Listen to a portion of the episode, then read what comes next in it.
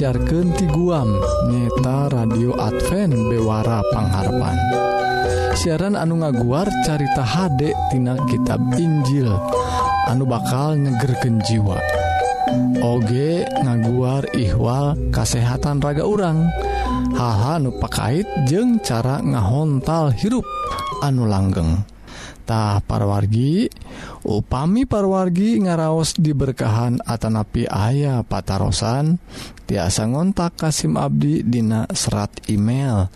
Nyeta alamatna bewarapangharpan@ gmail.com tawa tiasa ngontak karena nomor HP atau waA 08 hiji salapan hiji salapan 2275 hijjipan simkuring oge nawisan perwargi bilih kersa ngaos bahan bacaan rohani tiasa dikintunan ku Abdi. Syarat nama gampil ngan ngirimken alamat anu lengkap kan nomor wa tadi nyeta 08 hiji salapan hiji salapan 2275 hiji atautawa email nyaeta dina alamat bewarapangharpan@ gmail.com mugia para wargi urang tiasa saling nguatkan dina nandangan hirup anu campuh puha hal duniawi. Mugi urang tiasa ngengingken hirup anu pinuh kuka tentreman dilebet kisah Almasih nu kawasa di dunia jeung di akhirat. mangga perwargi urang sami-sami ngadangguken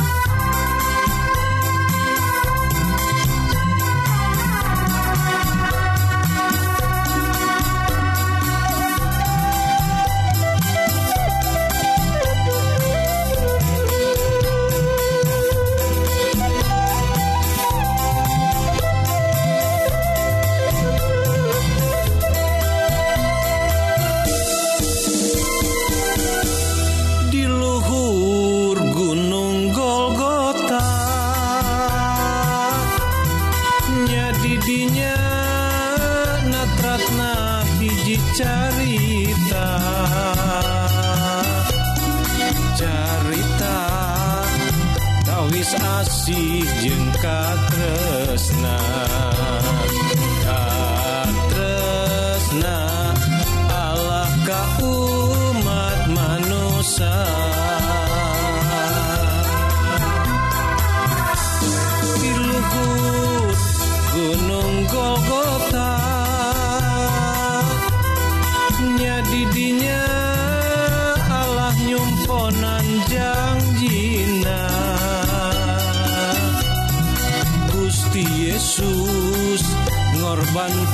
raga jeng nyawa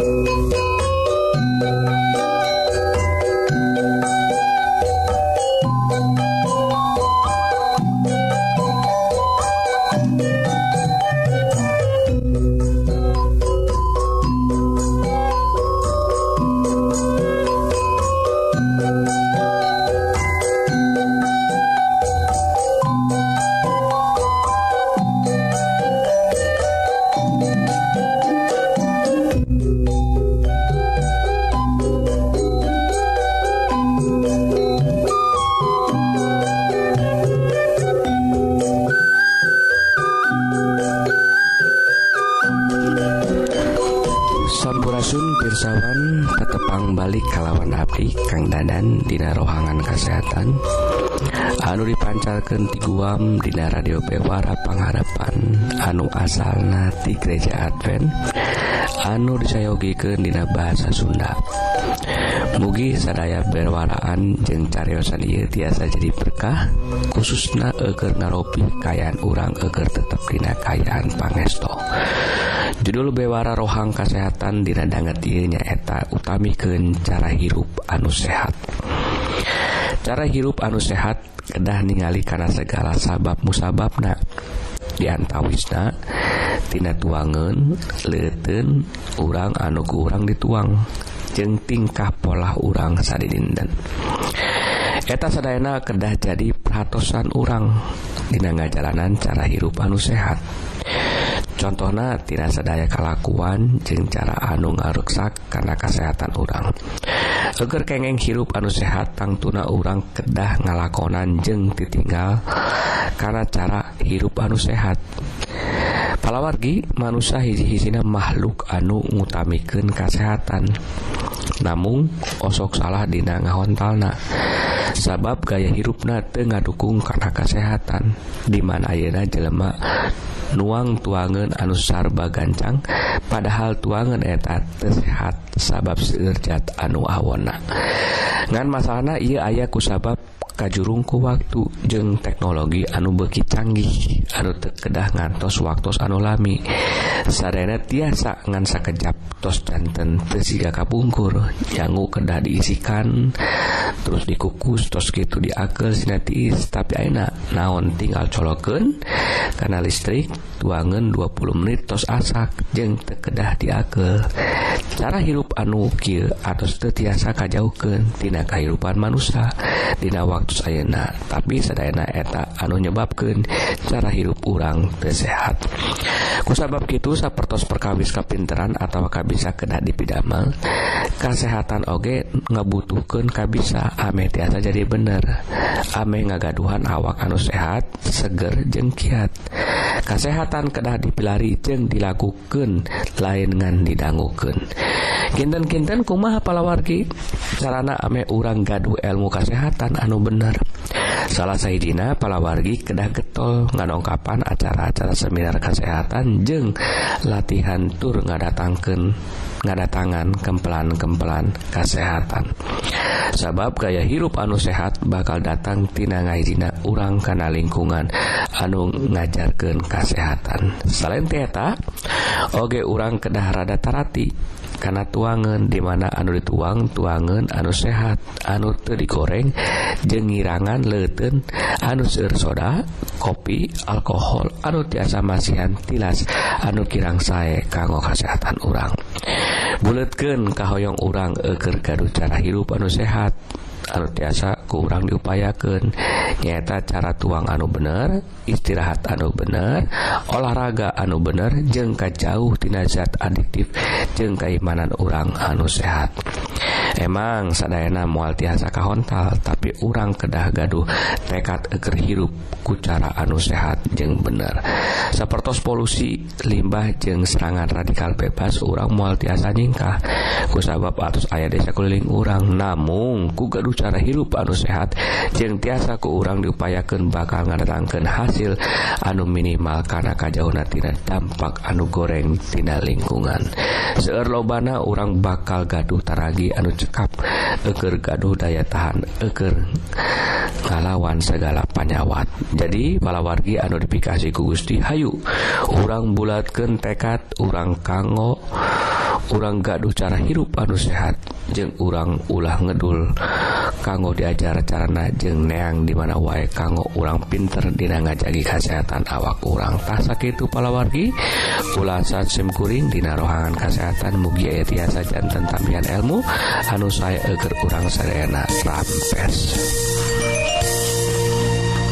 Di kota Bethlehem Allah nyomponan jangjina Allah muatos kedal basa kaparana bina-bina.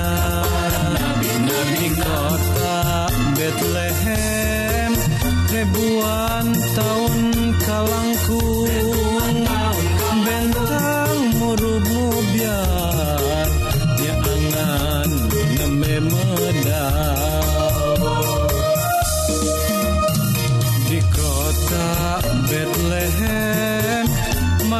Angkat lembang pujian.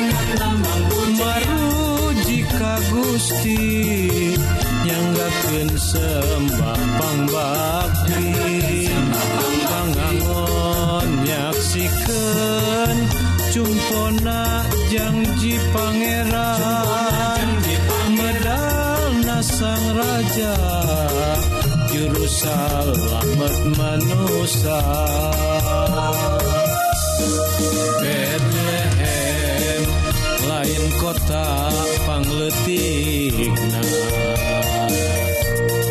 Di anjen parantos medal sangrai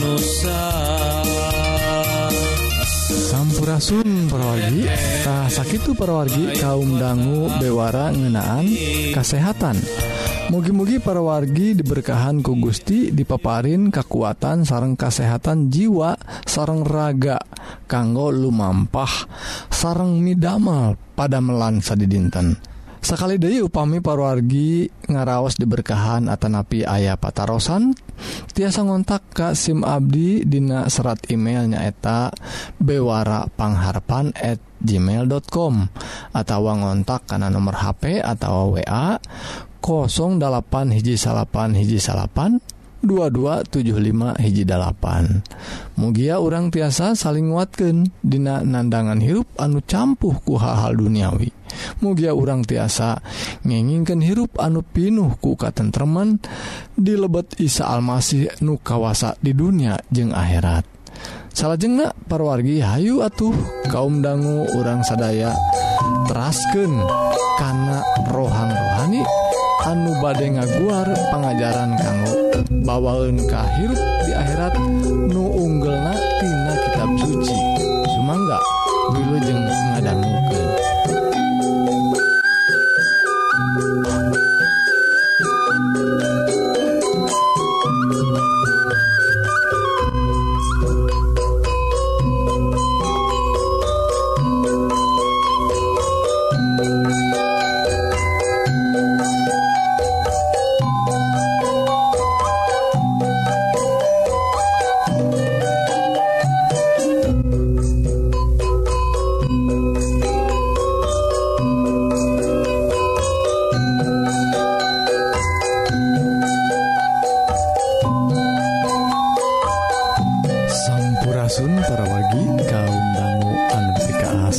Gusti.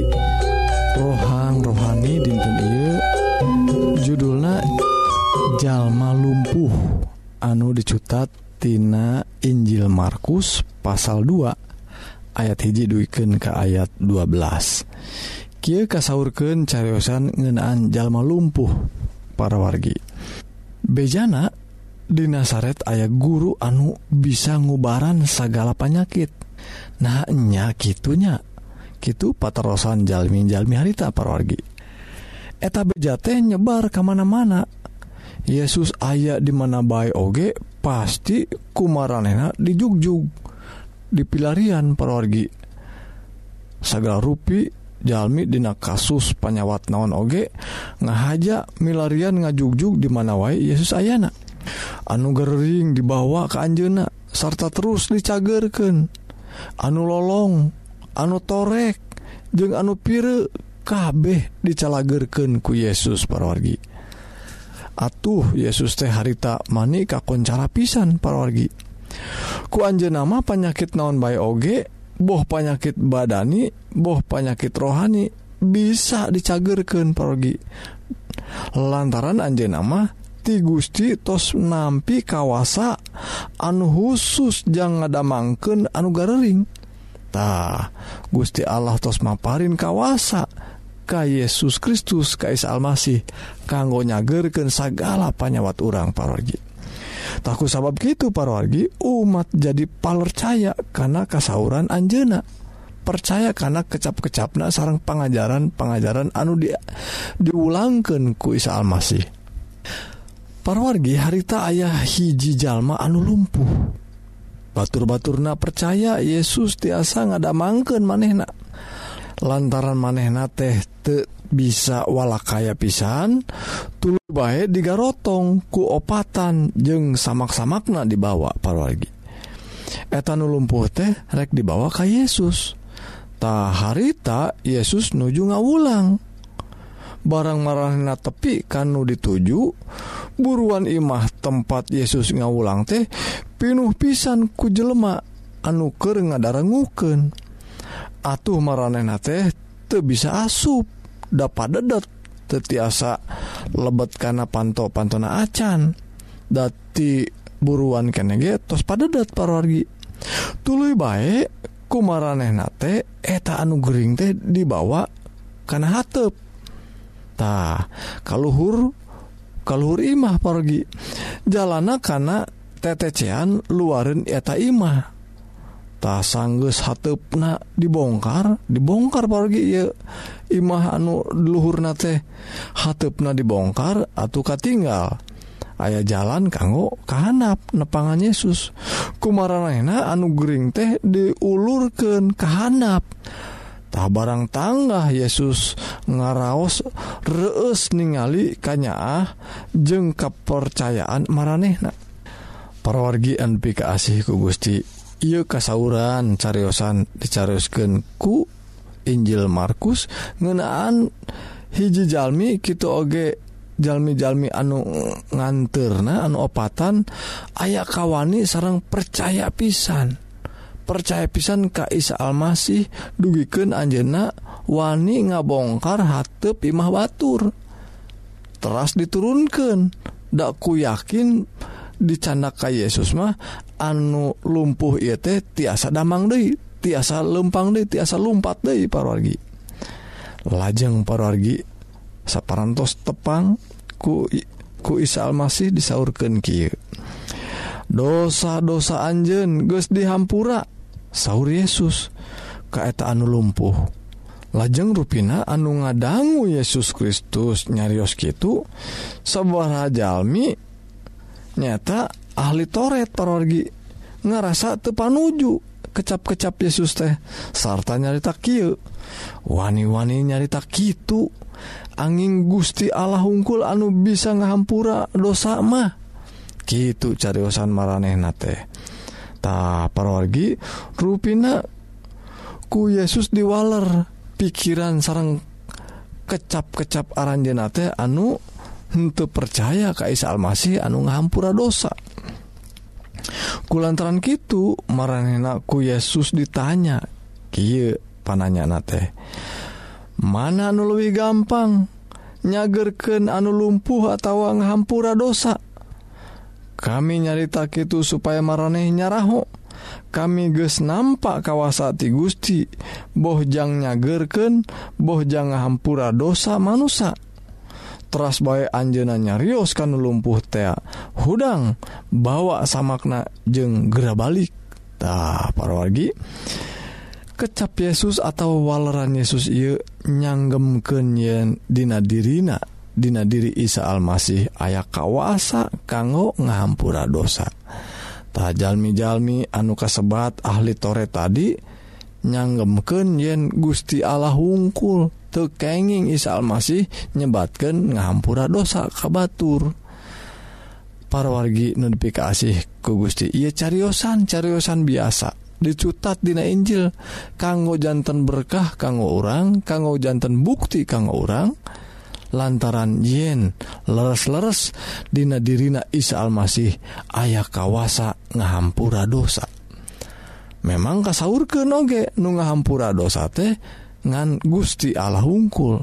Kukituna orang teh ngagaduhan kesimpulan atau pelajaran anu sajati yen leres-leres.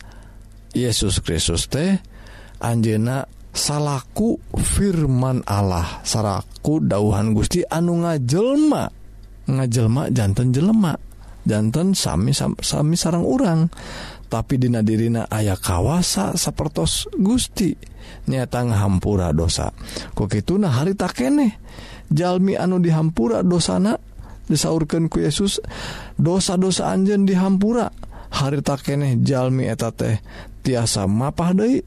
anu lumpuh itu tiasa hudang deh sarang tiasa balik tenganggo digotong segala parogitah sakit itu parogi cariosan ngenaan kawasa Yesus anu ngahampura dosa anu ngahudangken de anu lumpuh kawasa anu tiasanya gerken segala panyawat gitu oge boh panyawat jasmani sarang oge panyawat rohani Hayu parogi orang tiasa dongkap Kaisal masih Ayeuna nyhunken nyhunken mujijat nyhunken orang tiasa dicagerkentina segala panyawat orang doa-doa orang Kaiman na Kaisal masih orang tiasa miharap kasembuhan kawalagerian ka dina diri urang sadaya. Mugi Gusti ngaberkahan Hayu parwargi urang doa Nun ama anu aya anu linggih disawarga Rebunuhun kulantaran berkah dauhan Gusti Dina dinten I mugi-mugi cariyosan ngenaan Isa Almasih ngajantenken Abdi percaya yen Anjena tiasa nyagerken segala panyawatdina diri Abdi Kitu oge panyawat dosa supados Abdi tiasa dihampura. Ku kawasa Anjena Nun Gusti ia pidoa disanggaken dina asmana Isa Almasih juru selamat.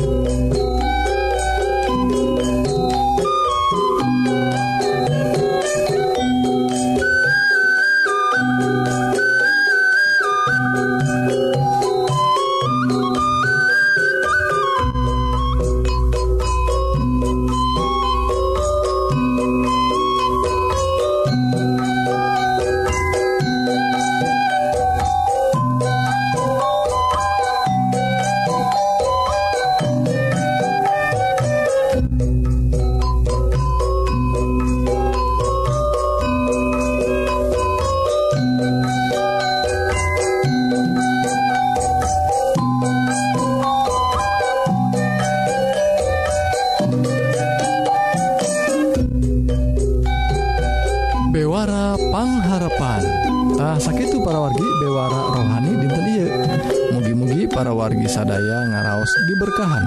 Sarang ngalaman hirup anu tengrem sapparantos ngadanggu dauhan Gusti anu pasti mual ingkar Dina nedunan janjijangjiina tahu pami parwargi Hoong diajar dauhan Gusti anu langkung jeruk tiasa ngontak Kasim Abdi Dina serat email nyata bewarapangharpan at gmail.com atau ngontak karena nomor HP atau wa 08 hiji salapan hiji salapan 2275 hiji dalapan. SIMkuring OG nawisan Billy parwargi kersa ngaos bahan bacaan rohani tiasa dikintunan ku Abdi. Tak syarat nama gampil. Ngan ngintunkan alamat anu lengkap ke nomor WA anu tadi 08 hiji salapan hiji salapan 2275 hiji dalapan atau alamat email bewarapangharapan at gmail.com Mugia para wargi tiasa saling nguatkan dina nandangan hirup anu campuhku hal-hal duniawi. Mugi urang tiasa ngenginken hirup anu pinuh ku katentreman di lebet Isa Almasih nu kawasa di dunia jeung di akhirat. Ridua Abi mugia Gusti berkahan ka urang sadaya.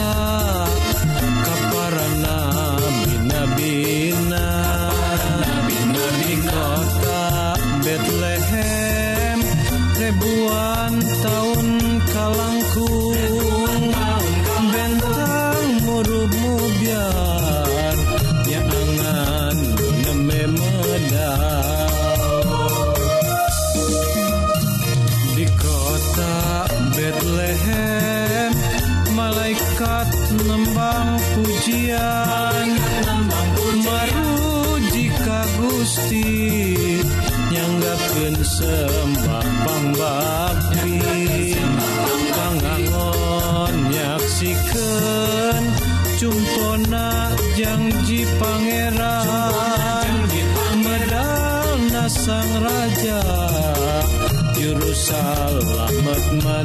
besar Bethlehem lain kota pangletikna